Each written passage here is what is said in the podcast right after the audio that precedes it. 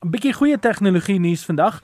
Google het aangekondig dat hulle 'n 100 000 aanlyn kursusse sal befonds vir voornemende Amerikaanse werkers om 'n kwalifikasie te kan kry as gevolg van die COVID-19 pandemie wat die werkmag skade berokken het. Die velde soos data-analise, projekbestuur en gebruikerservaring en ontwerp is van die kursusse wat befonds sal word.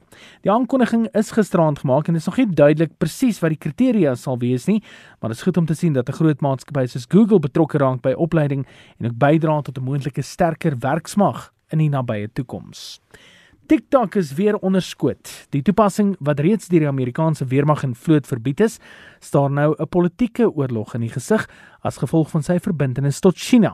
ByteDance, die eienaars van TikTok se hoofkantoor is in Beijing en het met die COVID-19 pandemie totale aflaaisyfers van nuwe gebruikers van meer as 2 miljoen ervaar.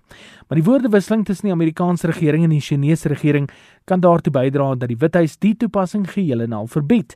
Dit is bekend gemaak deur publikasies in die FSA en volgens bronne is daar 'n moontlikheid dat die verbod binnekort aangekondig kan word. En hoewel ons midde 'n pandemie is, begin Amazon nou reeds voorberei vir 'n aanlyn bestelling storm voor die koms van die feesseisoen.